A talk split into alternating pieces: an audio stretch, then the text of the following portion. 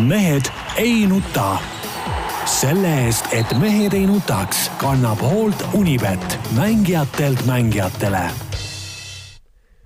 tere teisipäeva, nagu ikka, Mehed ei nuta eetris ja seekord taas kord ka stuudios. Äh, päris äh, kahte pluss kahte meil ei ole, meil on kolm pluss kaks, me mõõtsime täpselt välja, et meie, meie vahemaad on kaks meetrit ja, ja Paju ei tohi minu poole kallutada ennast. Väga või kui kallutab, siis ma pean eest ära kallutama, see on kõik täpselt välja mõõdetud ja jah, nii, nii need asjad on. Tarmo Paju Delfist. tervist! Peep Pahv Delfist ja Eesti Päevalehest. tervist!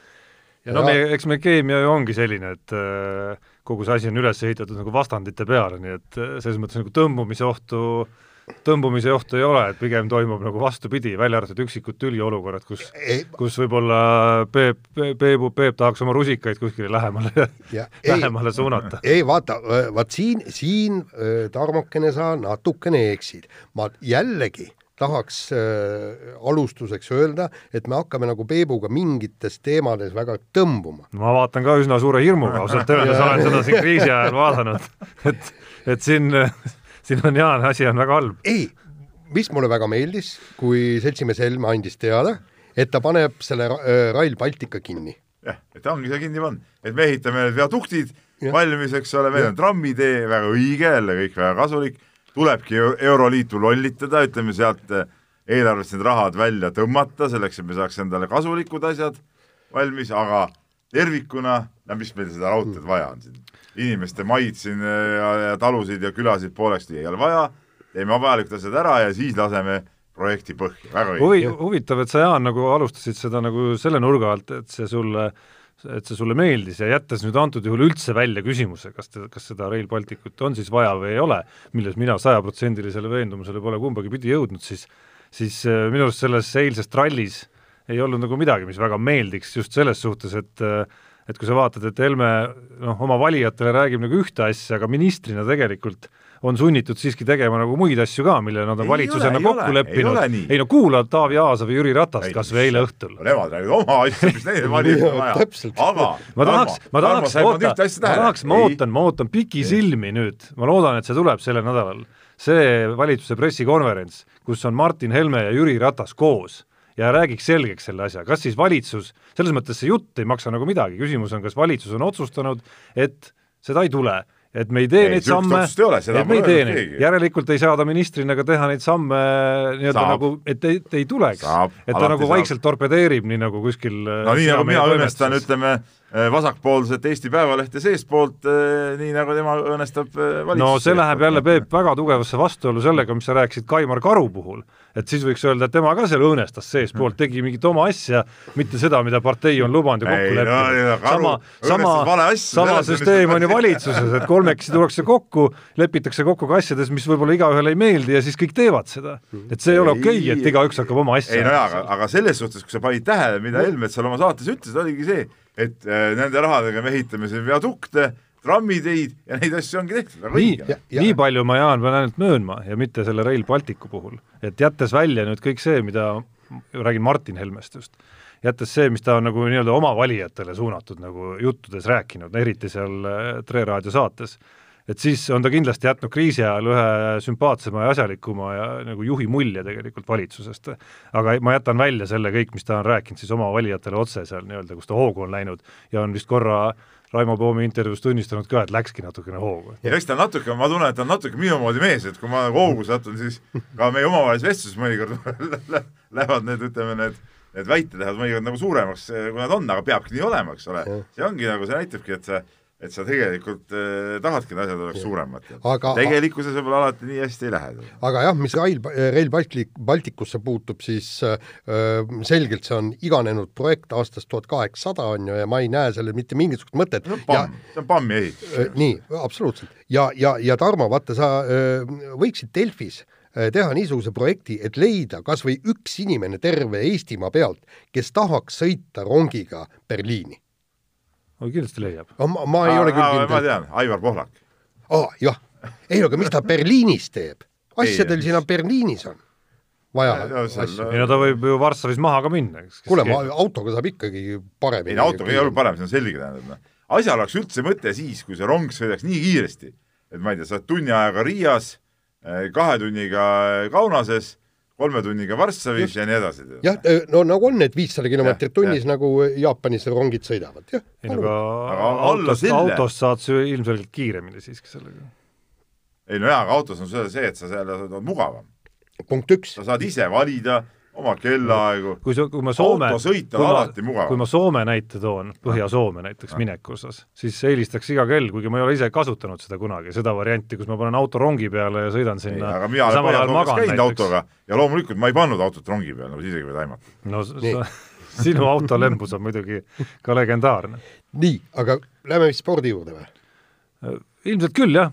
võib-olla väike isiklik äh, väikene teema siia sisse, saadan tervitused äh, kahele, vaprale, kes äh, hakkasid eile Aegviidust äh, läbima kuuesaja kahekümne viie kilomeetri pikkust matkarada jalgsi, Aegviidu Änijärve, üks neist on äh, Aruküla spordielu legendaarne eestvedaja Uku Hinsberg ja teine on jalgpallurite äh, Anieride isa Teet, ka, ka tuntud spordimees. Äh, ma ei tea, kas Kesk ja Kriis või mis neid sinna ajas, igatahes teine päev neil hetkel läheb, nii et tervitused teile, mitme olete päevaga mehed plaanivad selle läbi teha siis? kaks nädalat on võtnud selleks, nii et Ah, ah, ma ah. ütlesin neile ka, et kui poolgi ära teete, olete kõvad, sest pärast Rakvere retke meil Peep ja nähes, kui raske oli sada kümmet kilomeetrit läbida, siis äh, ütleme ei, ei kavatse raskus, raskus tuleb tead, ei olegi füüsiline raskus, vaid see, et et mina, minul hõõrusid jalad ära ja, ja, ja ja, ja tagumikud ja kõik asjad olid nagu ära hõõrdunud, et, et see on nagu selle asja, asja tuum, et noh, füüsiliselt pead selle vastu, no teed selle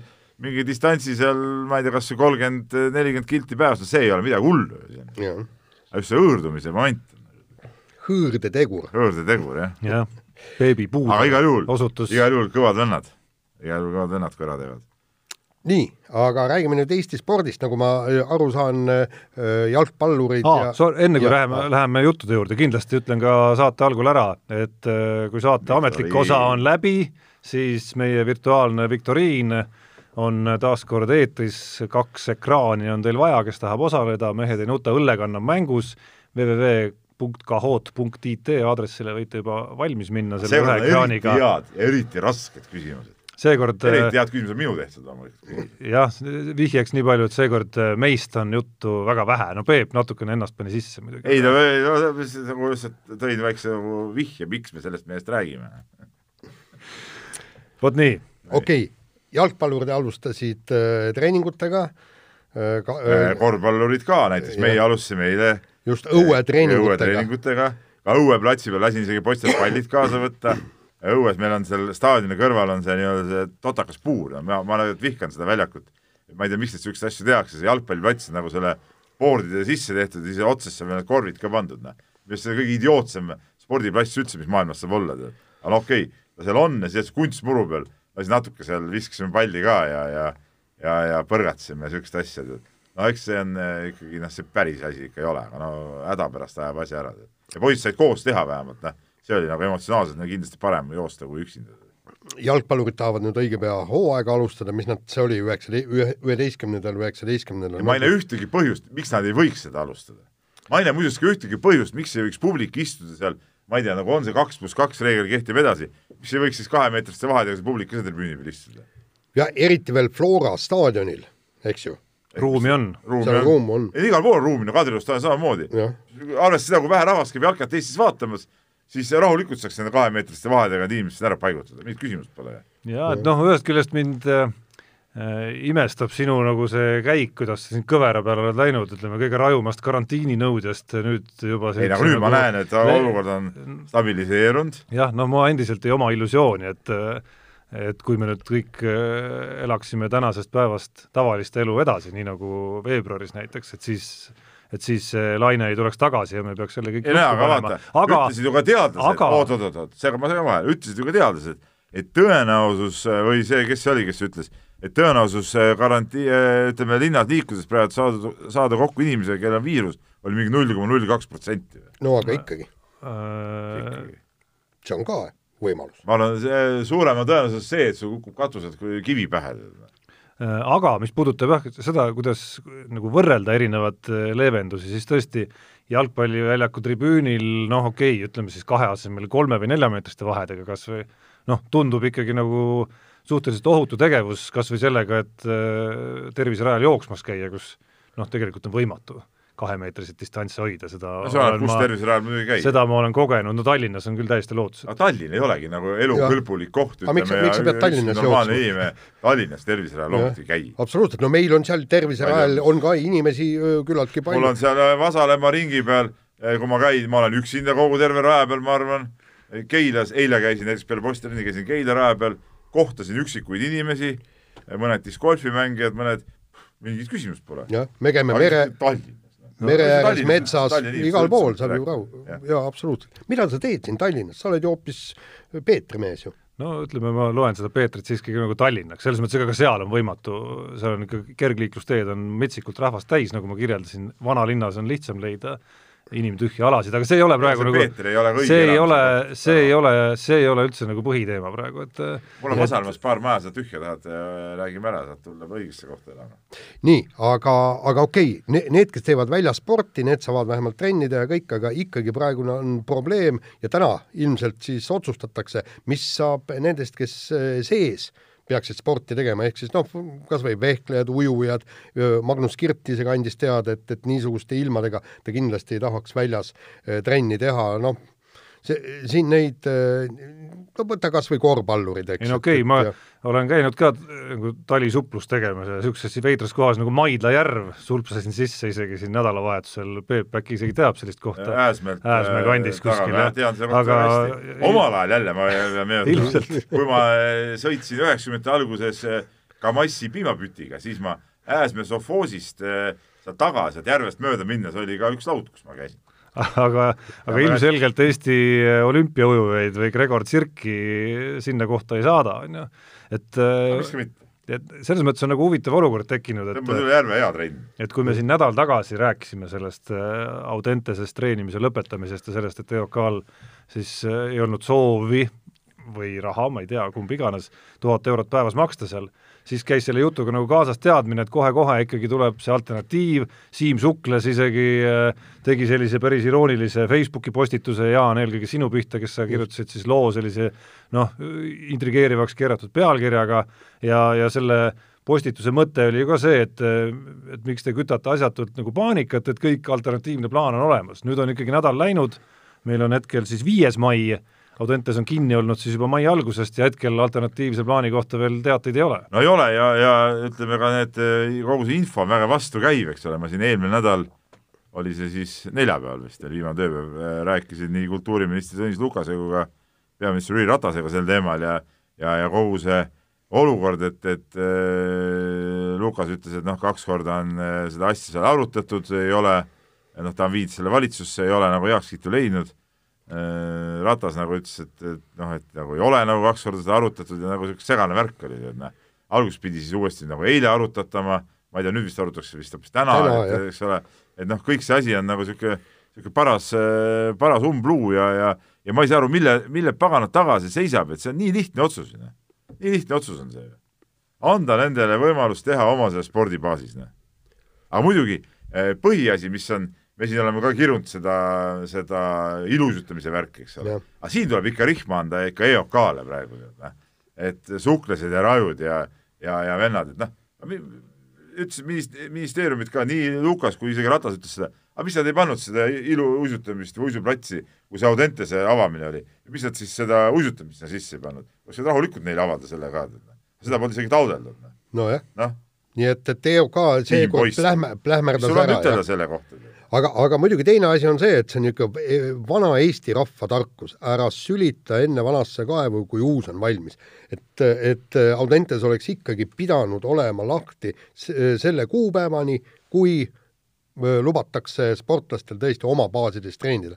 ja, ja, ja see jutt, et, tuhat eurot päevas on, on ka, ma veel kord ütlen, minge siis Enn Pandilt, küsige abi, ma arvan, et ei, mis asja, no ma räägin, Jaan, ma rääkisin, arutasime sinuga ka, Audentes on ju Sõõrumaa oma ju ta on osanik seal. osanik no, on jah. et ta on üks osanik seal. no kuule, mis ta ei suuda siis nüüd ära rääkida seal, et saaks äh, asju seal normaalsemalt teha või? ei no jaa, aga tal peab see Audentes ei tohikski olla üldse mingi äri, äri peale üles ehitatud, see peaks olema Eesti spordi hüvanguks. see, et ta on juba erakätes, juba see on halb tegelikult.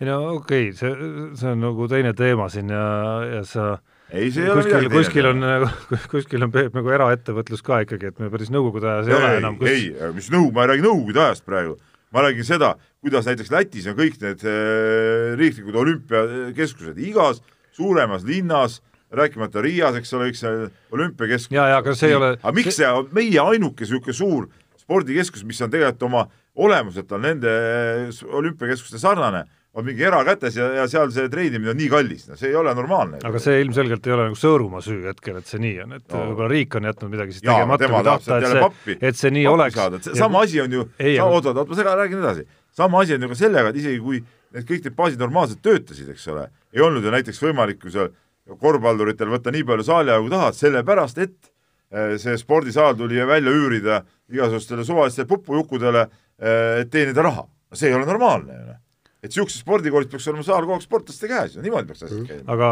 ikkagi rohkem kui eh, eraettevõtja Sõõrumaale selle eest, et ta no, selle eest, et ta ei taha võib-olla tasuta lasta seal treenida, eh, teeks ma siiski etteheiteid olümpiakomitee president Sõõrumaale selle eest, nagu, ja, nagu Jaan ütles, et äh, vähemalt selle kuupäevani, kus siis ei ole see alternatiivne plaan käiku läinud okei okay,, võib-olla see nädalavahetus sinna vahe, vahele oleks jäänud, ei oleks midagi juhtunud ja ütleme, kui homme, kui juhtub, peaks olema nii, et homsest läheb kõik lahti, ei juhtunud ka midagi hullu, aga siiski nagu põhimõtteline küsimus on, et oleks võinud need kuupäevad olla järjestikku seal, mitte tekkida niisugust lõtku sinna vahele, muidugi ei teki kahe või viie päevaga homme läheb lahti, see on sisuliselt niisugune nädalane treeningpaus. Peep, äh, küsimus, sa, sa ütlesid, et Audentes peaks olema riigi, äh, riigi oma, ma olen ka sinuga täiesti nõus. kes peaks nüüd hakkama jõuliselt tegema tööd selleks, et Audentes saaks riigi omandiks? EOK loomulikult. just, eesotsas kellega just. tahame ÜRO presidendiks saada uuesti. jah, täpselt. tehku ära. jah, absoluutselt, ma olen kogu aeg kadestanud see äh, Arena Riiga kõrval, äh, see olümpiakeskus pagan, kui, kui vinged saalid, ma ei tea, kui palju seal neid alasid kõik arv-. isegi Tarmo, et sa käid, sa tead ka Kossu EM-i ajal nägid ka neid asju. Äh, siis seal on nii vinge söök, no mäletad, seal on ju see, see toitlustamine on ju suurepärane, lapsed ju saavad talongidega toitu süüa, siis kui sa oled mingi koondislane, sa ei pea selle eest maksma kõik, et täpselt samasugust oleks meile vaja. ja no ka. seal Lätis ongi need, iga see, on see Kulbene või või Ventspils või, või, või Kuldiga või vahet pole, igal, igas nendes linnas on see olümpia keskus, need on kõik ikkagi olümpiakomitee poolt seal toetatud ja, ja tehtud. no on nad toetatud või on nad riigi omad, et on, kui täpselt te neid teate ei, ikkagi, mina, mina ei julgeks siin sõna võtta. seal need on, seal on ju riiklikud spordikoolid kõik alles.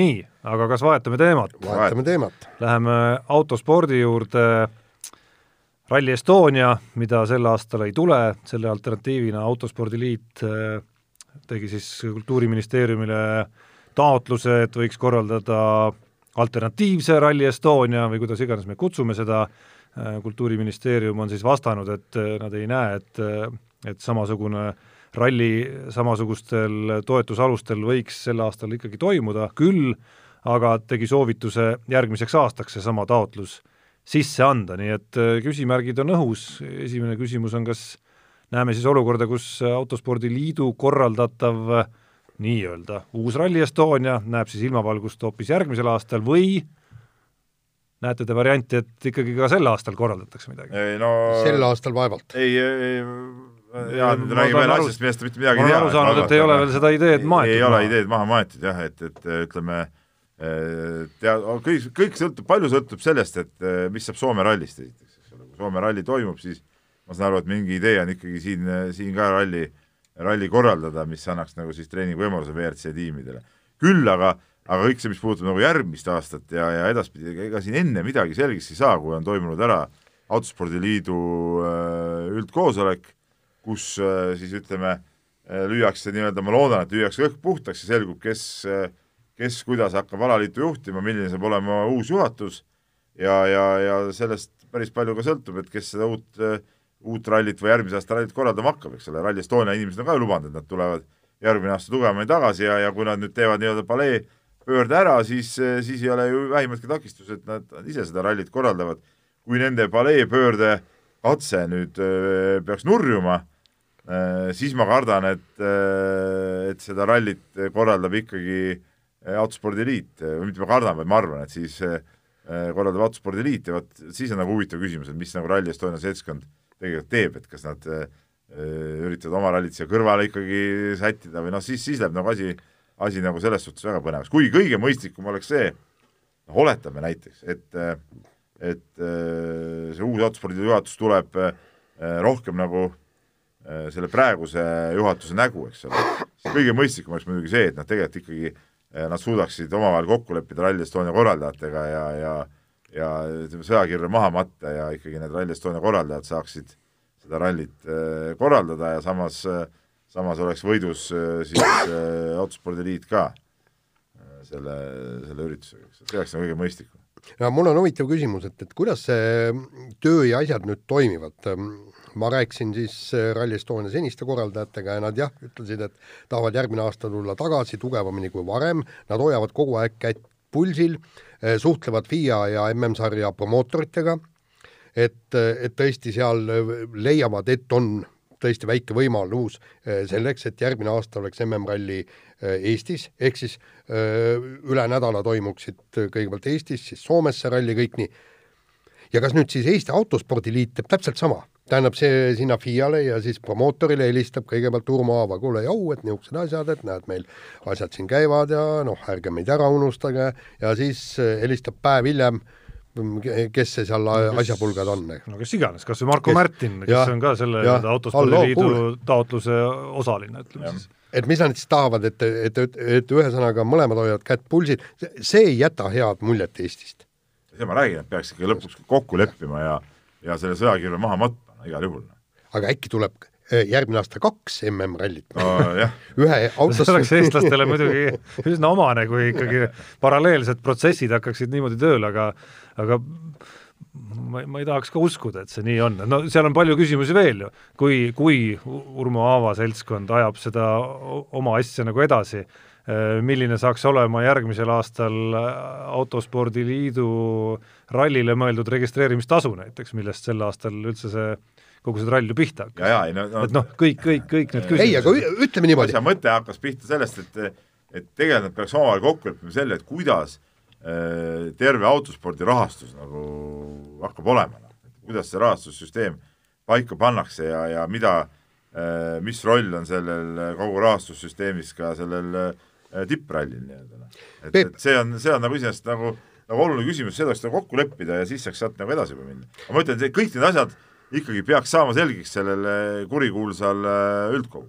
ei, aga ütleme nüüd niimoodi, et, et praegused, äh, praegune juhatus ja, ja post ja kõik niimoodi panevad, rahvusvaheline ralli, sada tuhat on vaja litsen-, litsentsitasu, mis iganes, eks, korraldustasu, Urvo maksab sada tuhat ära, hakkab korraldama Rally Estoniat. kas ja keegi keelab? ei, miks ei keela, kuidas saad keelata? noh, hakkab läbirääkimisi pidama tiimidega, kõikidega, noh, no mis siis saab, siis see juhatus tahab ka Rally Estoniat korraldada. ei, ma arvan, ma arvan, et no siis, kui noh, ma ei tea, no ma, ma arvan, kahe ralli jaoks meil nagunii raha ei ole, no see on no, alaliidu soov ei ole ju enam minu arust sada tuhat, vaid nelisada viiskümmend tuhat, mida nad Kultuuriministeeriumilt taotlesid, pool eh, nelisada viiskümmend tuhat ralli jaoks ja nelisada viiskümmend tuhat alaliidu ei noh, see oli nagu see nelisada viiskümmend tuhat alaliidu jaoks oli nagu praegu nagu ikka see eriolukorra meede tegelikult.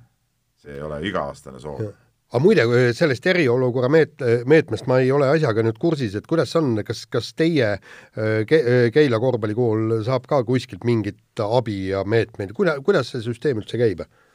ei no seal on ei no meie kool nüüd vajab mingit äh, meedet saab, et no üks asi oli see, vaata, mis anti meistriliiga klubidele, see aga noh, sealt ka veel keegi ei tea, palju reaalselt seal klubidele jõuab, ma just eile siin rääkisin klubidega ja, ja palju sinna jõuab, et noh, ega need summad väga suured ei ole ja, ja teine asi on see, siis palju alaliitudele antakse eh, niisama nagu tuge, aga mis alaliit selle rahaga teeb, eks alaliit peab ka enda kõigepealt vaatama, nad ise funktsioneeriks ja ma ei usu, et sealt klubidele midagi väga edasi läheb, et selles suhtes siin mingeid meetmeid küll ei ole, välja arvatud see kuulus Töötukassa meede, mida, mille kaudu saab palkasid nagu lattida.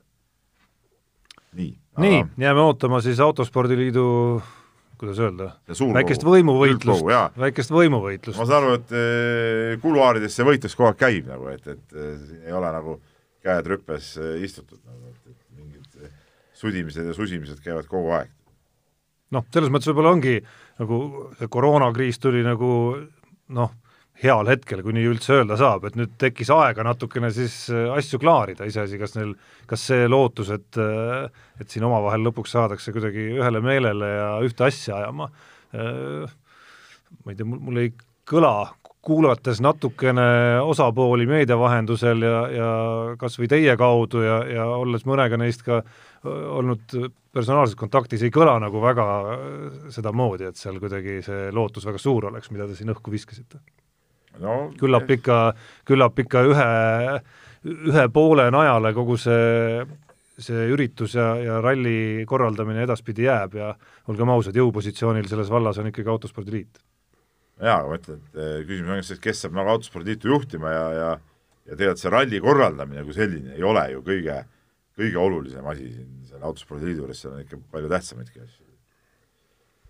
nii, aga ma saan aru, et Võtta Jaan on jälle Eh, umbluuga välja tulnud või? nimelt. nimelt. et eh, Jaan on varemgi siin lubanud igasuguseid tiitleid ja asju ja nüüd on ta jälle Margus Hundile siin NFL-i meistrisõrmuse juba nagu sõrme torganud.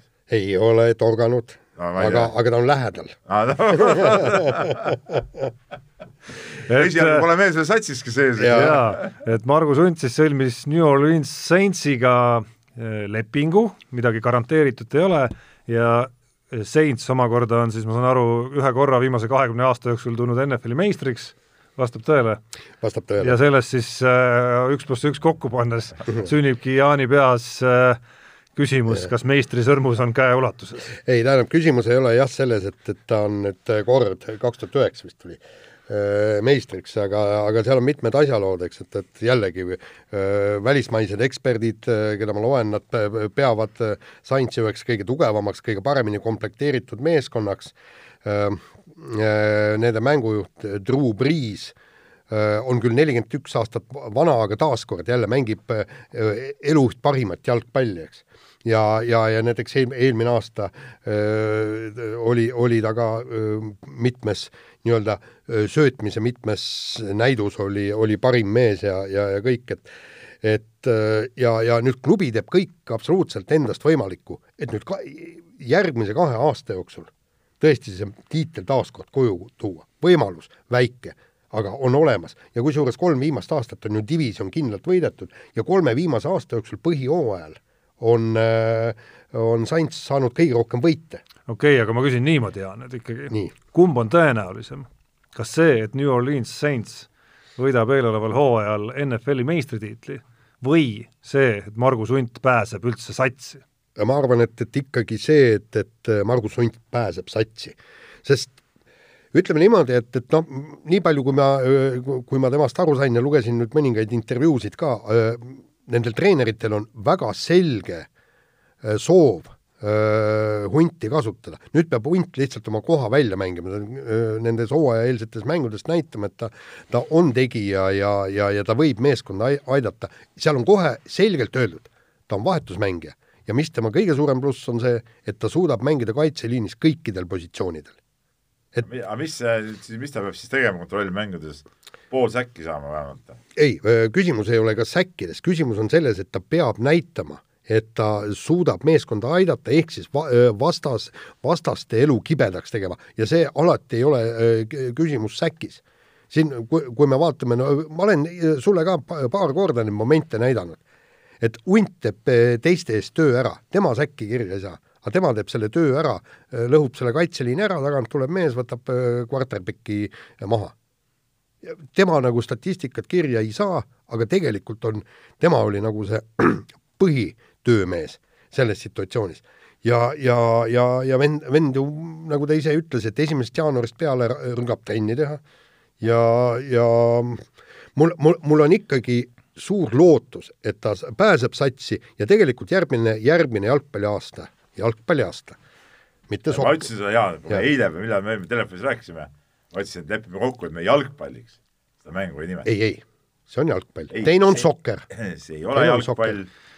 no ma muidugi ei väsi üllatamast, et äh, Peep ikka viitsib aastaid neid samu lauseid ikkagi nagu veel korrata ja korrata, kuigi need lähevad kurtidele kõrvadele, äh, et see vestlus äh, sel teemal kokku võtta, siis Jaan, võtsin meie toetaja Unibeti koefitsiendid siis ka huvi pärast lahti, et mida Ja. selleks NFL-i hooajaks ennustatakse ja New Orleansi leiame siis viiendalt kohalt sealt jah, pole paha ju. Et Kansas City on esimene, Baltimore tšempion. teine, San Francisco kolmas. Tampa Bay neljas ja, ja viiendal kohal Ja- siis New Orleans ja- koefitsiendiga viisteist koma null. viisteist koma null. jaa, aga, aga arvesta, see Tampa Bay pandi sinna se- puhtalt sellepärast, et sinna läks Tom Brady, aga me, me ei olegi see on ka päris kaalukas argument. Ei, aga, See umbes esimene mis sa aasta- ütled, et oi, see Bulls on soosik sellepärast, et Jordan on seal. ei no see on, saad aru, see on esimene aasta. Jaan rääkis mulle, ütles, et see, selle New Orleans- Orleansi mängujuht on ju kõige parem hoopis, kus, mis see, mis see Brady ei teeb, ei ta ei ole kõige parem. sa rääkisid väga- mulle niimoodi. no sa said valesti aru, nagu tavaliselt. kes siis on parem siis? kirjade järgi Tom Brady. ühesõnaga, Jaan, viisteist koma null. aga- mis on Kansas Cityl, vaata. Kansas City seitse koma null. kuule, kas see on siis ka nüüd suur koefitsient või? Mm, mis mõttes suur, kumba pidi sa mõtled suur? paned võtad, paned oma miljonist, võtad ühe kümnendiku ära, mis sa said selle Kristiina raamatuga, paned sada tuhat peale ja saad seitsme aastat tagasi. noh, no ilmselt, ilmselt tulebki teha, jah.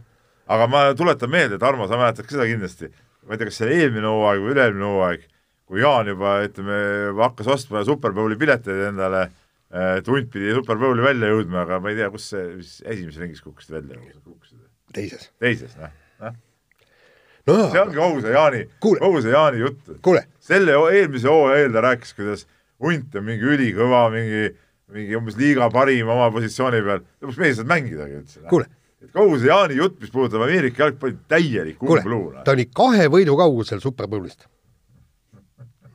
kahe võidu kaugusel. nii, kas me räägime natuke korvpallist ka või või Maik-Kalev Paar sõna.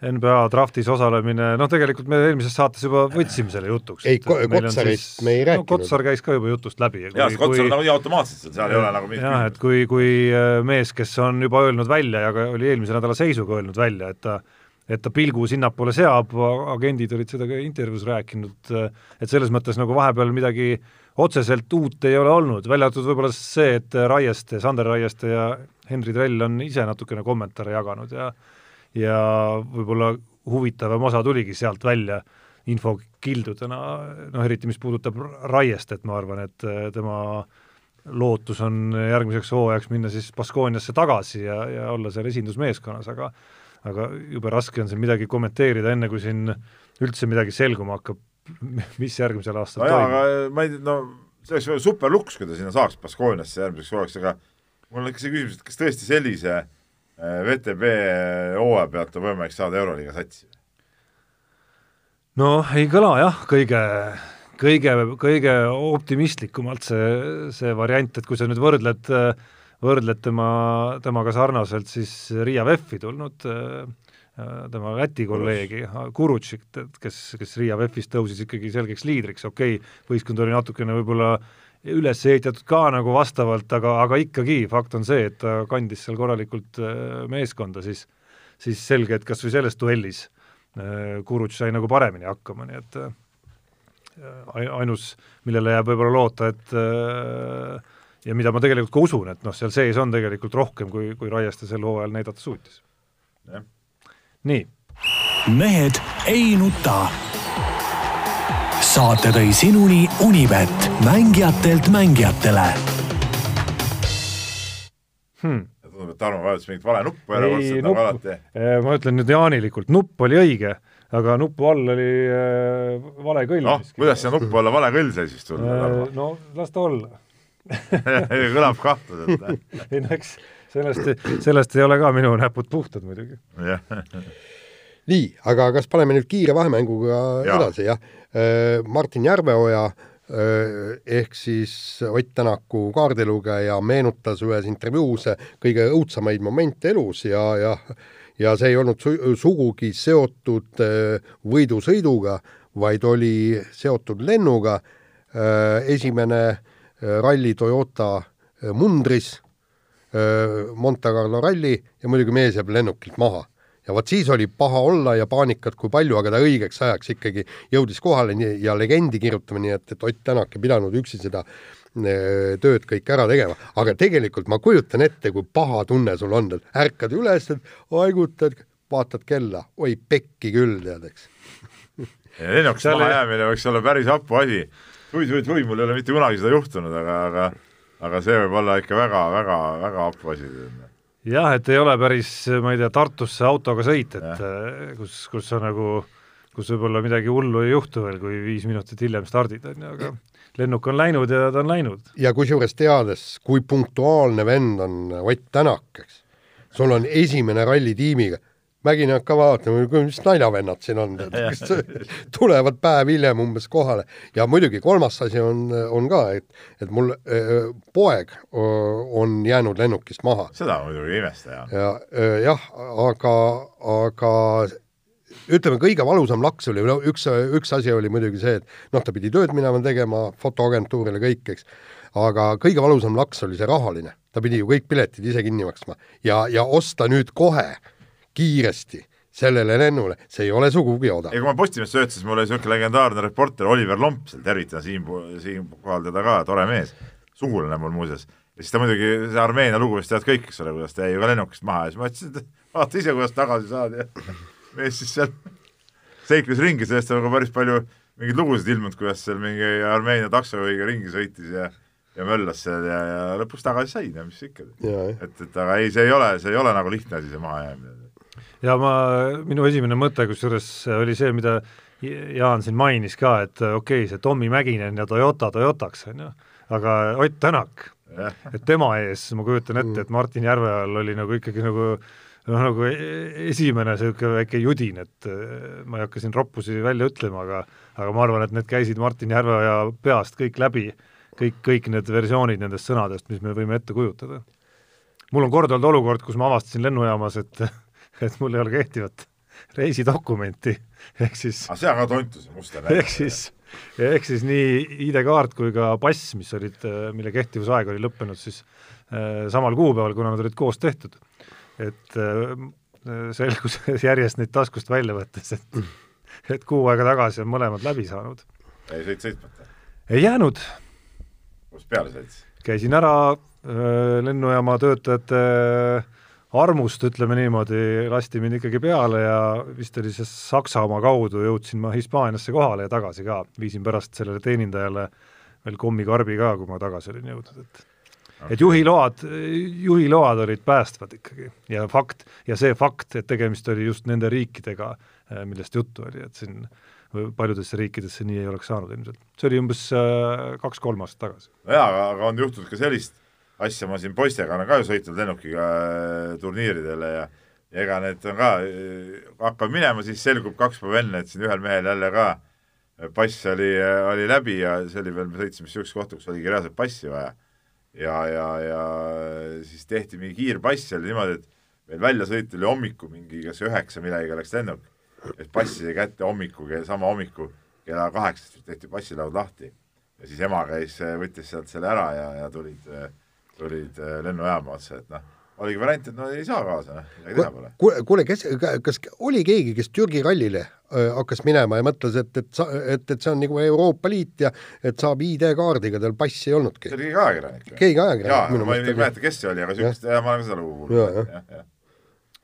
niisugused, niisuguseid vendi on nii, aga on ka selliseid vendi nagu Urmas Sõõrumaa, kellest oleme ju tänase saate jooksul varemgi rääkinud äh,, EOK president Jonn ei jäta ja on kirjutanud arvamusloo värskelt, kus ütleb, et Eesti spordikorraldus vajab vähemalt saja miljoni euro suurust täiendavat rahasüsti läbi Tervisekassa ja Kaitseväe, et täita spordi põhiülesannet rahva tervise tagatisena. kõik raha, mis tuleb sporti, me loomulikult oleme kahe käega poolt. jaa, aga mis sellise deklaratsiooni mõte on? Jääb mul selles mõttes segaseks, et et kas kuskilt on, on lootus seda sadat miljonit ka saada. ära unusta, et praegu käib ikkagi teatud teoreetilisel tasandil EOK presidendi valimisvõitlus, et et ikka on ju hea ju eh, spordirahval näidata, et kuulge, näe, ma siin võitlen selle eest, et me saaks sada miljonit. no selge see, et Eesti sport tõesti vajab seda sadat miljonit äh,, aga paraku nende äh, arvamusartiklitega seda sadat miljonit ei tule, seal tuleb käia koputamas uste peale, rääkida valitsusega, juhtidega, Jüri Ratasega, kõik, aga minu meelest on kõige tähtsam ülesanne on see, ära näidata, kuhu see sada miljonit läheks, punkt üks, ja punkt kaks, millise tulu ta Eesti rahva tervisele tooks. mitte, mitte see üks sada miljonit, aga iga aasta sada miljonit. ja, ja kui sa suudad selle paberi peal kõik ära tõestada, siis iga inimene, kes näeb, et tõesti see on kasulik, see toob meile tulevikus sisse selle, selle pealt, et me ei pea äh, inimesi haiglates hoidma nii palju, inimesed ei võta äh, haiguslehte nii äh,, nii tihedalt, kõik, vot see tuleb paberile, jutust ei piisa, see peab olema paraku Exceli tabel. ei no jaa, aga vaata, kui sa lihtsalt lähed oma Exceliga kuskile uste taha, siis ju üldsus ehk valijad ei saa sellest teada, onju. ei no eks mõlemaid, ei no eks lõpuks tuleb mõlemaid teha, ei, aga mõlemad, teed selle kommentaari on, olnud mõned aastad aega seda kuidagi jõuliselt ajada ka. et huvitav, et see, et see jutt nüüd värskelt vastu uusi presidendivalimisi just tuleb. see näiteks see, seesama komme-, kommentaar, mis oli väga hea kommentaar, eks, ja seal all klikka siia, siin on Exceli tabel, näed, Ei, raha läheb seda sinna. nii, sellepärast, et mõtle nüüd, et kui homme päev tõesti no Jüri Ratasele ja, ja Helmetele lööb järsku pähe, et kurat, tõesti, anname seda sada milli ja pannaksegi sada milli laua peale. palun, mida siis sellega peale hakatakse? kas on olemas täpselt teada, on olemas plaanid või siis hakatakse sellele rahahunnikule otsa vaatama, et huvitav, et mis me nüüd sellega siis teeme? aga kui on täpselt teada, miks just sada miljonit, mitte sada kümme või sada viisteist, miks siis neid arve mitte avaldada? Seda kindlasti, jah. nii, aga Jaan on muidugi jälle saanud ja taas jälle mul on võimalik nagu Jaani teema sisse juhatada, saanud hakkama mingisuguse kahtlase eh, looga, ta on kuskilt välja kaevanud siis, et eh, jälle, jälle sellest NFL-ist, et keegi John Malcon ehk siis eestlasest vanaema järgi noor Jaan on siis liitunud NFL-i klubiga Tampa Bay. noh, et ma ei tea, on siis Eesti mees või? Kogu küsimus on, eesti keelt ta ei oska. ju? ja aga ta väidetavalt on väga lähedastest suhetest vanaemaga, ta teab Eesti juuri, ta on uurinud järgi, ta teab, mis asi on Eesti, ta teab isegi enam-vähem, kus kohas see Eesti paikneb. ja tal oli ka soov sel aastal siia Eestisse tulla, väidetavalt. aga noh, selle ko-, koroonaviiruse tõttu jäi see reis tegemata, vot siin ongi nüüd kogu küsimus. ütleme niimoodi, et vaata, see Tampa Bay Buccaneers on siis äh, nii-öelda eespool Saintsi, eks ju, seal äh, Kihlve et kontor. kui, et kui nad nüüd võidavad NFL-i, kas me valime siis selle Jaani Just, just. Eesti aasta sportlase? ei, kindlasti ei, Jaan. Ja- ei, aga kindlasti okei. mitte. ei no Ei, Eesti aasta sportlaseks on teda keeruline valida, kui ta ei ole noh, Eesti sportlane, eks ole, aga ma ei, ma ei tea, miks see üldse vajab veel mingit täiendavat defineerimist, et Ei, on ta te- nüüd eestlane või ei ole ta Ei, eestlane mitte? Me- ongi lihtsalt vanaema kaudu Eesti juurtega mingil Jaa, määral, noh, kogu aga lugu, noh. jälle Jaan Ja nagu kirjutas ikka nagu Eesti meheks. ja kes tahab ei, talle kaasa Eesti juurtega mängija. ja kes tahab Eesti... talle kaasa elada, see elab kaasa, kes ei taha, jätab külmaks, seda jätab ma ei saa külmaks. sellest aru, et Mis- vanem on eestlane, miks ta ise eesti keelt ei oska siis? no, miks üldse see vanem, kes on läinud Ameerikasse, on, on nagu eestluse seal ära kaotanud? ei, mulle seletati ka, seal on noh, olid tingimused ameeriklasega abiellus ja, ja noh, ühesõnaga ei olnud võimalust eesti keelt kasutada, ta ei olnud Eesti nii-öelda keskkonnas, tal ei olnud kellegagi eesti keelt rääkida. muidugi, lastele oleks võinud õpetada. loomulikult, oleks pidanudki õpetama. Peebu peaks saatma, ma arvan, kuskile väliseestlaste kantsidesse, mingile tuurile, kus ta teebki mingid loengud, et kuidas ikkagi oleks õige olnud oma lapsi oota, kasvatada. aga kas sa vaidled mulle vastu praegu? no millele täpselt? sellele, et miks ta olud oma on lastele eesti keelt ei no õpeta? kes täpselt, vanaema või? ma ei ole, ma ei ole täpselt aru saanud, kas ta oma lastele õpetas, me räägime lapselapsest. no ja kui ta oma lastele õpetas, siis nad peavad ka ikkagi seda Eesti värki edasi no kandma. ütlen- aga muide, see, see on, see on minu meelest see äh, kahetsusväärne ja väga täpne näide, kus eestlus säilib. me, me räägime siin väliseestlastest kõik ta-ta-ta, nad on ju kogu aeg rääkinud, eks vaata, nõukaajal nemad olid see, kes säilitasid- hoidsid Eesti Vabariiki. hoi-, hoidsid nii. tavaliselt kolmas põlvkond enam ei ole eestlased. või, või, või ütleme niimoodi, et neid ei saa määratleda kui eestlasi, nad on ikkagi pigem selle riigi kodanikud. Ja, ja, ja, ja, ja vot see ongi see, et, et meil lähevad ju, lähevad ju järjest-järjest, inimesed lähevad Soome sinna-tänna, lähevad elama, kõik nii. ja, ja see on ka täpselt Soomes nii. kolmas põlvkond on juba soomlased et see on see, et, et nad räägivad, et millega, kuidas me seda, et, et, et see Eesti nii-öelda välja ei sureks. aga sellega, et hoiame oma inimesed kõik siin Eestis ja pane tähele, tuleb see ütleme Aafrikast kodanik, on kolm põlve siin ja tema laps on juba eestlane. on ju nii, räägib eesti keelt. no me näeme juba ju esimese põlve pealt tegelikult Just. seda, et see vähemalt mis keeleoskust puudutab, siis noh no, no, keeleoskus nagu vahe. ei, ei, ei, ma ütlen, et kolmas põlv tema juba määratleb ennast kui eestlast, ta teab, mis on Kalevipoeg, sealt edasi ta-ta-ta-ta ja, ja, ja, ja täpselt samamoodi ka need ukrainlased, kes tuleksid ja jääksid siia elama ja, ja nende kolm et äh, Eesti on ammu vaba, mis need, kes te neljakümnendatel ära läksid, ammuks peab koju tagasi tulema. ja miks mitte no,. ja paljud on ka tulnud, kahjuks. Toomas Hendrik Ilvest. nojah, vaata mõned, vaata see on nagu teistmoodi jälle, noh, tuleb vale ideoloogia oh Jaan, mine edasi Jaan jälle toetas mind.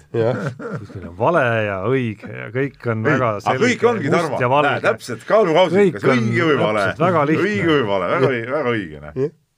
nii, äh, aga õige tegu on see, et Elizabeth Pihele, kes, kes muide hüppab väga, väga hästi ja väga kõrgele ja ta, tema käes on ja Eesti... väga kõrgele ta veel ei hüppa. ei, no, oma vanuse, vanust ja. Äh, arvestades, tema käes on Eesti äh, kahe vanuseklassi rekordid kõrgushüppes, äh, pakuti rahvusvahelist modellikarjääri, ta tegigi mo modellitööd, aga leidis, et sport on tähtsam. see on selge, see on selgemast selgem, et noh, sport on ikka olulisem kui modellitöö no sport ja modellitöö ju lõpuni ei välista ka teineteist. no natuke ikka, sa ikka pühendud ikka täis tippspordis, no, ei saa olla modell. jah, täispühendumisele mitte, aga me näeme ju maailmas viimasel kahekümnel, kahekümne viiel aastal väga palju ka näiteid, kus edukas spordikarjäär ja ütleme, modellilik välimus sinna juurde, pluss sportlik vorm nagunii, eriti kui sa tegeled teatud spordialadega, noh, need kõik tulevad ju lõpuks mitmes mõttes kasuks, on ju, et et on küll neid äh, sportlasi, kes no ütleme noh, teenimise mõttes teenivad rohkem kui nende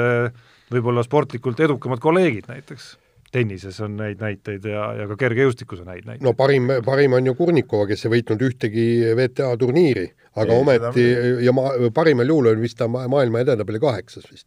Aga... mis ei ole siiski, eh, rääkides temast kui tohutust nagu mingist äh, mõttetust tennisistist ka ei saa, mis ei, on ei saa, väga korralik koht. ei, me ei räägi mõttetust, aga, aga ta, aga, aga ta, aga ta oli kõige, kõige rohkem raha teeniv tennisist, eks, ja seda mitte tänu mängule, vaid tänu oma välimusele. olgem ausad, naiste kõrgushüpe on ka ütleme selline ala, kus ütleme, see välimus tuleb väga hästi välja.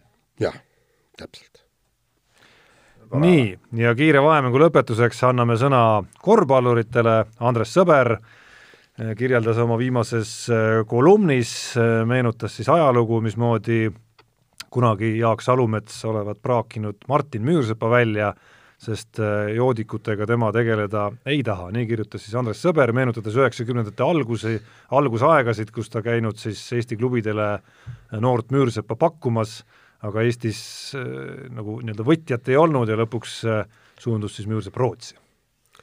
ja läksid mööda paar aastat, see on nüüd Andres Sõbra äh, jutt ja noh, sellest on omajagu olnud ka Martin Müürsepa enda raamatus ju juttu, kus siis äh, huvi Müürsepa vastu nagu pöördus, ehk siis äh, nii koondise tasemel kui lõpuks ka Kalevis. Taheti teda väga. Ei no aga Salumets on siis ilmselt äh, täiskarsklane ja karskusliidu esimees ja ilmselt ta lootis, et, et kõik tema mängijad ka sülitavad viinapitsi. no jaa, no küsimus on selles, et ilmselt ta ei osanud nagu võib-olla ka aimata, et sellest vennast tulebki nii hea mees, noh. et, et, et ega siis, jutt käib nagu Kalevist, noh, ega siin selge see, et, et muidugi treener peab ära ka nägema, kes on perspektiivikas mees ja kes ei ole, aga aga küsimus oli ikkagi nagu Eesti esindusvõistkonnast ja tol ajal Kalev oli ikka väga kõva, väga kõvadest meestest koosnes, et selles suhtes noh, ma väga isegi imestan, miks teda võib-olla alguses ei võetud. ei no jaa, aga siis ütle no, teine põhjus. ei no ja see. sa ütle teine põhjus. ei, see põhjus muidugi ei ole nagu, see ei ole adekvaatne. ja noh, niisuguseid ütleme joodikuid või mis joodikuid, see on ka loll väljend üldse.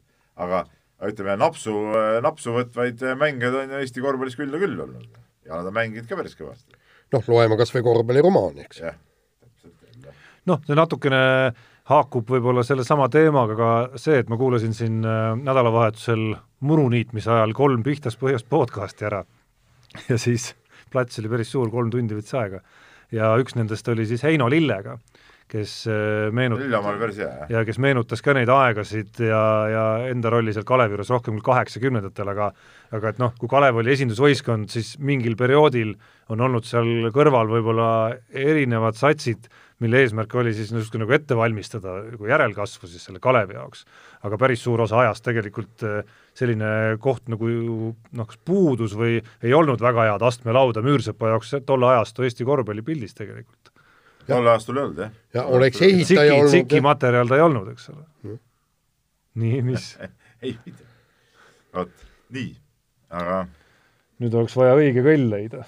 ma arvan, et see Unibetis saad tasuta vaadata aastas enam kui viiekümne tuhande mängu otseülekannet. seda isegi mobiilis ja tahvelarvutis.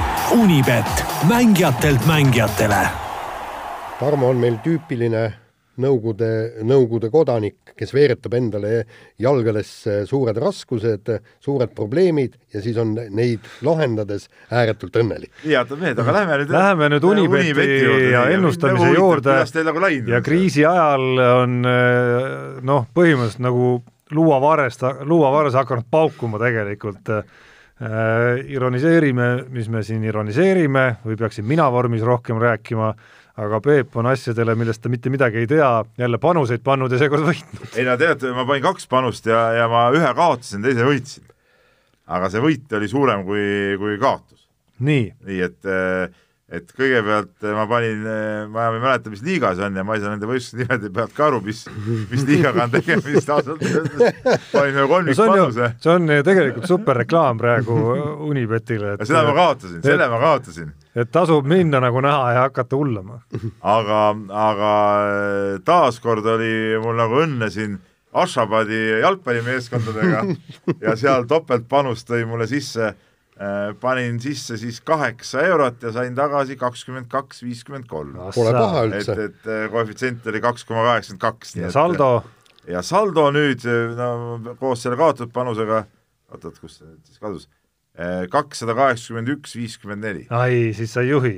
Kakssada kaheksakümmend viis koma null püsib ja stabiilselt. no ütleme, et me, mul on see probleem, et, et see Peebu aju hakkab, hakkab minu pähe ronima, sellepärast et ma taaskord unustasin ära, ma olin just lahti klikkamas ja mõtlesin, et, et panen ja siis järsku tuli mingi muu tegevus tuli vahele ja unustasin ära ja nüüd siis siin tuli meelde, et jaa, Unibet. Ei, mina- ma tegin need panused pühapäeval muuseas mõlemad ja, ja, kõik, kõik ma ütlen ausalt, ma siiski põhimõtteliselt, eh, nii nagu Peep keeldus võib-olla e-spordiga tegemist te- tegema, siis ma keeldun Ashabadi ja selle valla asjadele panustamast, millest ma üldse mitte midagi ei tea. Kas või sellest ongi põnev, noh. sellest ongi nagu põnev, nagu ehk, paned ehk et ma parem ootan Eesti jalgpallimeistrivõistluste jätkumise ära ja küll, küll siis Ashabadi on mul kaks kahekümne kahe eurost võitu toonud juba järjest, nii et noh, selles suhtes nagu raha tuleb, ei peagi tööl käima enam võib-olla no saadame tervitused siis vennas, vennas äh, vabariiki Ashabadi. ei noh, nii ta Äh, on. Unibetist veel nii palju, et, äh, et Unibeti pakkumistest äh, võib reklaamida seekord siis FIFA e-spordi ennustusvõistlust, mis peaks ka Peebule sobima hästi, sest spordi, ütleme siis see e-sport, kus pane. tehakse sporti, ehk siis mängitakse korvpalli või jalgpalli, korvpallist Peep siin rääkis sellest Eesti äh, e-meistriliigast väga suure vaimustusega, kuidas äh, noor mängumees Pahv oli kolmkümmend viis punkti lajatanud Rakvere vastu, jah, eile. ehk et Saage ei saanud kaitses hakkama, aru, neil oli, vaat seal on see omavahelised nagu match-up'id, eks ole, ja, ja, ja Saage oli tema vastu ja ei nagu, Saage ise viskas neli punkti ainult ja noh, kaitses ka ei saanud hakkama, et saatsin eile Saagele sõnumi ka, et kas oli kaitses probleeme või ei saanud hakkama, aga ei tulnud nagu vastust ka ei tulnud nagu. sa peaks küll nii kogenud olema, et, et äh, siin arvutiklahvide taga hiilgamisest veel ei maksa võib-olla äh, nii kõvaks minna, et hakata seal saage ees praalima, et ei no natuke ikka peab, noh. et ühel hetkel, ühel hetkel, äh, ühel hetkel tuleb neil võib-olla päris väljakul ikkagi äh, selles elus veel silmitsi seista. Eh, Saagega tuleb praalida ikka, sest et ta ise praalib kogu aeg.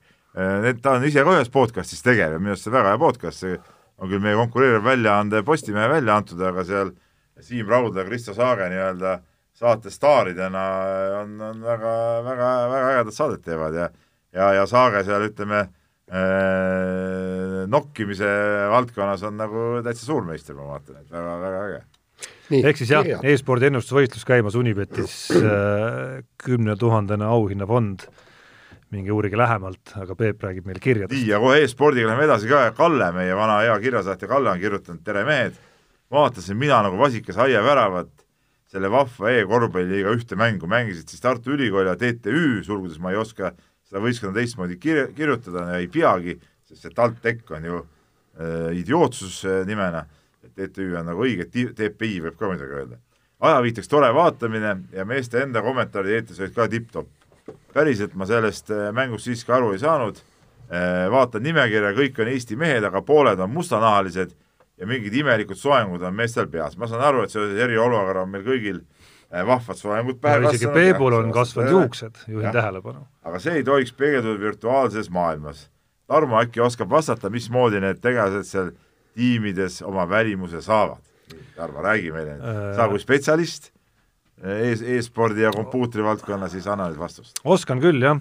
Äh, need mehed on siis tekkinud sellisel moel, et NBA mängus äh, on võimalik siis ehitada nii-öelda enda mängijad. ehk siis sa lood virtuaalse kuju, valid talle pikkused, positsioonid, siis tegeled seal äh, mingitel treeningutel tema arendamisega, pluss see areng justkui jätkub siis mängude käigus, kui sa teed seal äh, häid liigutusi, paned häid katteid näiteks või viskad äh, palli korvi, siis nii-öelda su tekib mingit krediiti nagu juurde sinna Osta ja, ja, ja, ja siis vastupidi ka jälle, et see selline nagu süsteem on seal ja noh, välimuse saab siis igaüks ise valida, kas juuksed pikad, üldse mitte juukseid, äh, must, valge, kollane või punane.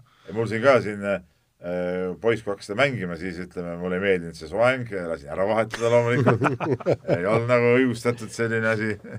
siis oli käe peal oli see mingisugune see sukk pandud, ei, see sukk oli käe peal, lasin ära võtta. oled sa kontrollinud, kas tätoveeringuid on või? aga ah, seda, see on nii kirbusitt on see, et sellest ma ei saa aru sealt, et mehed seal ekraani peal tahaks seda päeva kõrvalt näha, kui noor Margus Pahv tuleb ühel päeval isa silme ette, esimene tätoveering on tehtud. lasi endale linnu teha, onju.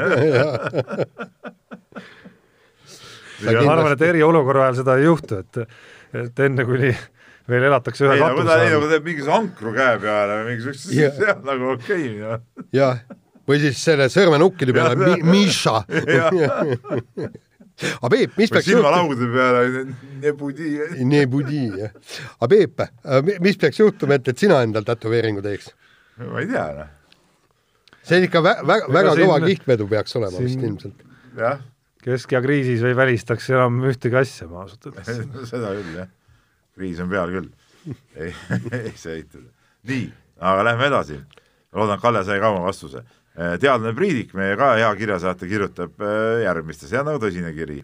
Äh, on aeg provokatiivseks küsimuseks.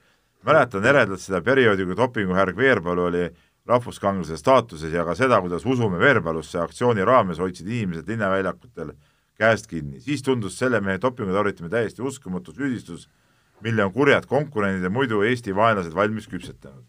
nüüd teades seda, mida me kõik teame, tuleb kiuslik küsimus, mis on need põhjused miks me peaksime uskuma, et meie tänased või eilsed tippsportlased, sulgudes Kirt ja Kanter, on erinevalt Veerpalust puhtad, Alaveri-suguse mehe puu-, kas põhjuseks on Alaveri-suguse mehe puudumine kergejõustikus? alustame kõigepealt sellest, et näiteks eh, tegelikult äh, ei tundunud Veerpalu süüdistust uskumatust, meil olid ikka suht kindlad tõendid, et see vastab tõele. ja, ja teine asi on see, et, et kui me hakkame nüüd kammima alates tuhat üheksasada üheksakümmend üheksa, seda nii-öelda ajakirjandust ja, ja, ja ka meie tõime need lood ju äh, esile, äh, nii Soome, noh, soomlased esialgu vähem, eks, aga põhiliselt Norra ja Rootsi ja, ja, ja seal veel väga, väga mitmed, seal vist Ameerika poolt tuli ka äh, lärmi löödi, et, et, et seal juba süüdistati ju Veerpalut väga, väga otseselt, eks, keelatud ainete tarvitamises.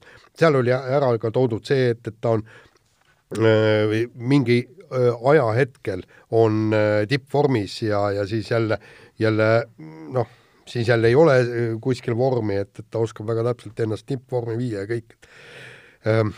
Samas Kant-, Kanteri ja, ja Magnus Kirdi puhul neid süüdistusi ei ole, aga seal võib ka põhjus peituda selles, eks, et noh, et Kanter nagu suurt norralasi ega kedagi nii väga ei, ei huvitanud, ei olnud eh, konkurent, oleks näiteks norralasega ta võidelnud seal öö, mingisugune MM-tiitli peale, oleks need süüdistused ka kuskilt tulnud.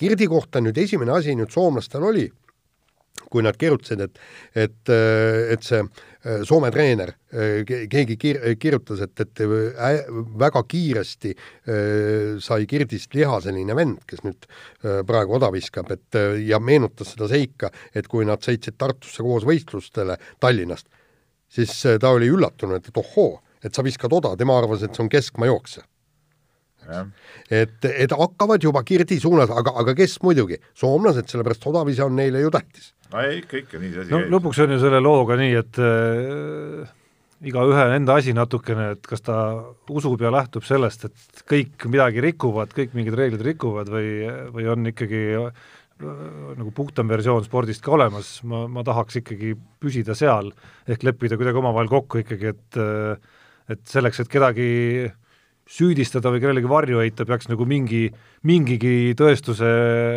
tükikene ka olemas olema ja alus kellegi kahtlustamiseks, mitte lihtsalt see, et et see ei ole ju võimalik, et sa heidad ketast nii kaugele. jah, see on umbluu, et, et aga kui on ikkagi tõesti reaalsed niisugused äh, äh, faktid või detailid nagu teada, noh siis ei ole midagi, midagi parata, et selles suhtes ma siin nagu omamoodi- Veerpalut ja, ja ütleme, neid mainitud kergejõustlasi nagu omavahel võrdlema ei hakkaks. ei, absoluutselt mitte. et noh, sedasama meie suusatamise, suusatajate case'i saab ju vaadata ka mitut pidi, ühest küljest, tegemist oli siis maailma noh, ma ei tea, Andreas Veerpalu näol sajanda või isegi tagapool suusatajaga, eks.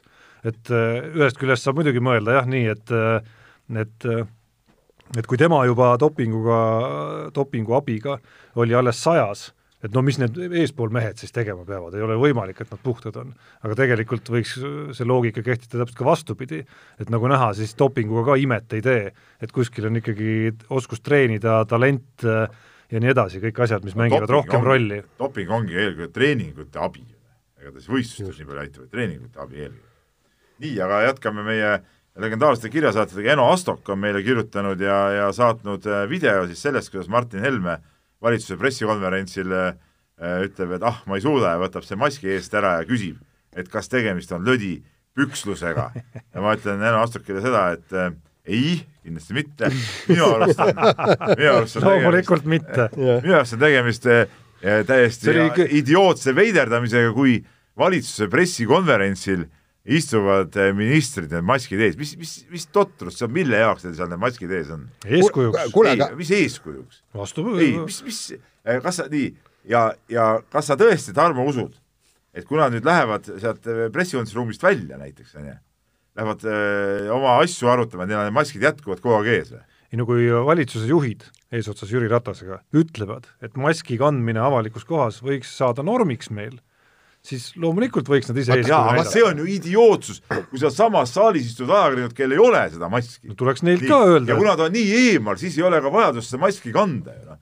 Nad ei ole, nad ei ole nii lähedal kui mina sulle praegu, seal on ju kuradi viis-kuus meetrit vahet. Aga ma imestasin- see on idiootsus Aga ma ja imestasin- õige, ma ei suuda tema närrasele Ei. ja veel viskan põrandale, vot niimoodi oleks pidanud tegema. Tarmo, lollus, Tarmo. pakasuhha, ma ütlen, see on nagu Nõukogude armees, tead, värvid seal mururoheliseks ja, ja eeskuju, eks ole, see on lollus kuubis, see on lihtsalt lollus. ja ta, Tarmo, kui Jüri Ratas ütleb, et saagu maski kandmine meil normiks, siis ma ei kuula teda.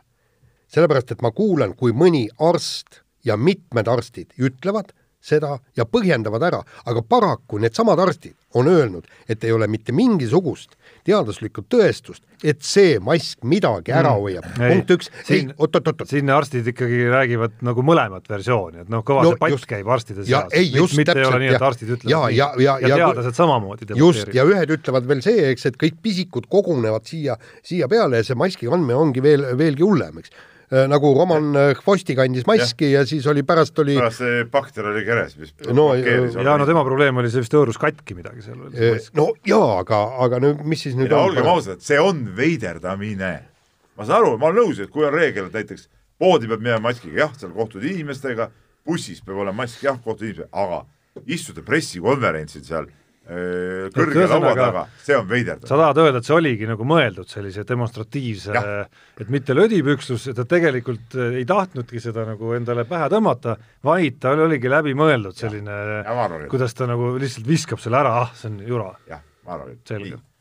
Äh, Ants aga teeme nüüd kiiresti. aa, teeme nii, oota, oi okei. issand, mis kell. okei okay,, ma seda pikka kirja praegu siis ei võta ja võtan kiire küsimuse, mida kirjutas T Vendla, sulgudes kaksis V-ga, Vendla küsib, et tere, Peep, sa oled hokivana, kas sa tead, miks hokimängijad ei kasuta kiirkinnitusi, sulgudes klambreid, uiskudel, vaid nööri?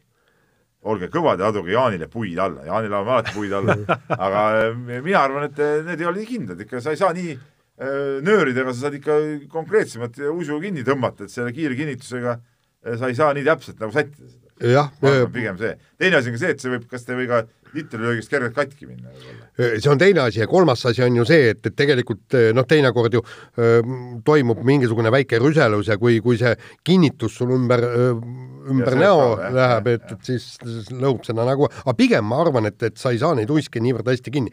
mäletad kunagi, see on, mis ta siis võis olla, äkki kaheksakümnendatel aastatel, järsku tuli see buum, et kõik tossud olid krõpsudega, mäletad Jah, nende äh, krõpsud? sporti nendega teha ma ei ütlen saa. rull, ma jäin ka mõtlema, aga huvitav oleks võib-olla lugeda isegi selle kohta rohkem, et noh, rulluisud iseenesest on kõik ikkagi nagu ei, rulluisus tõmbad ju, paari millimeetri haaval äh, venitatavad äh, klambrid. suusasaapa ka sa tõmbad alt ikka nööriga ju.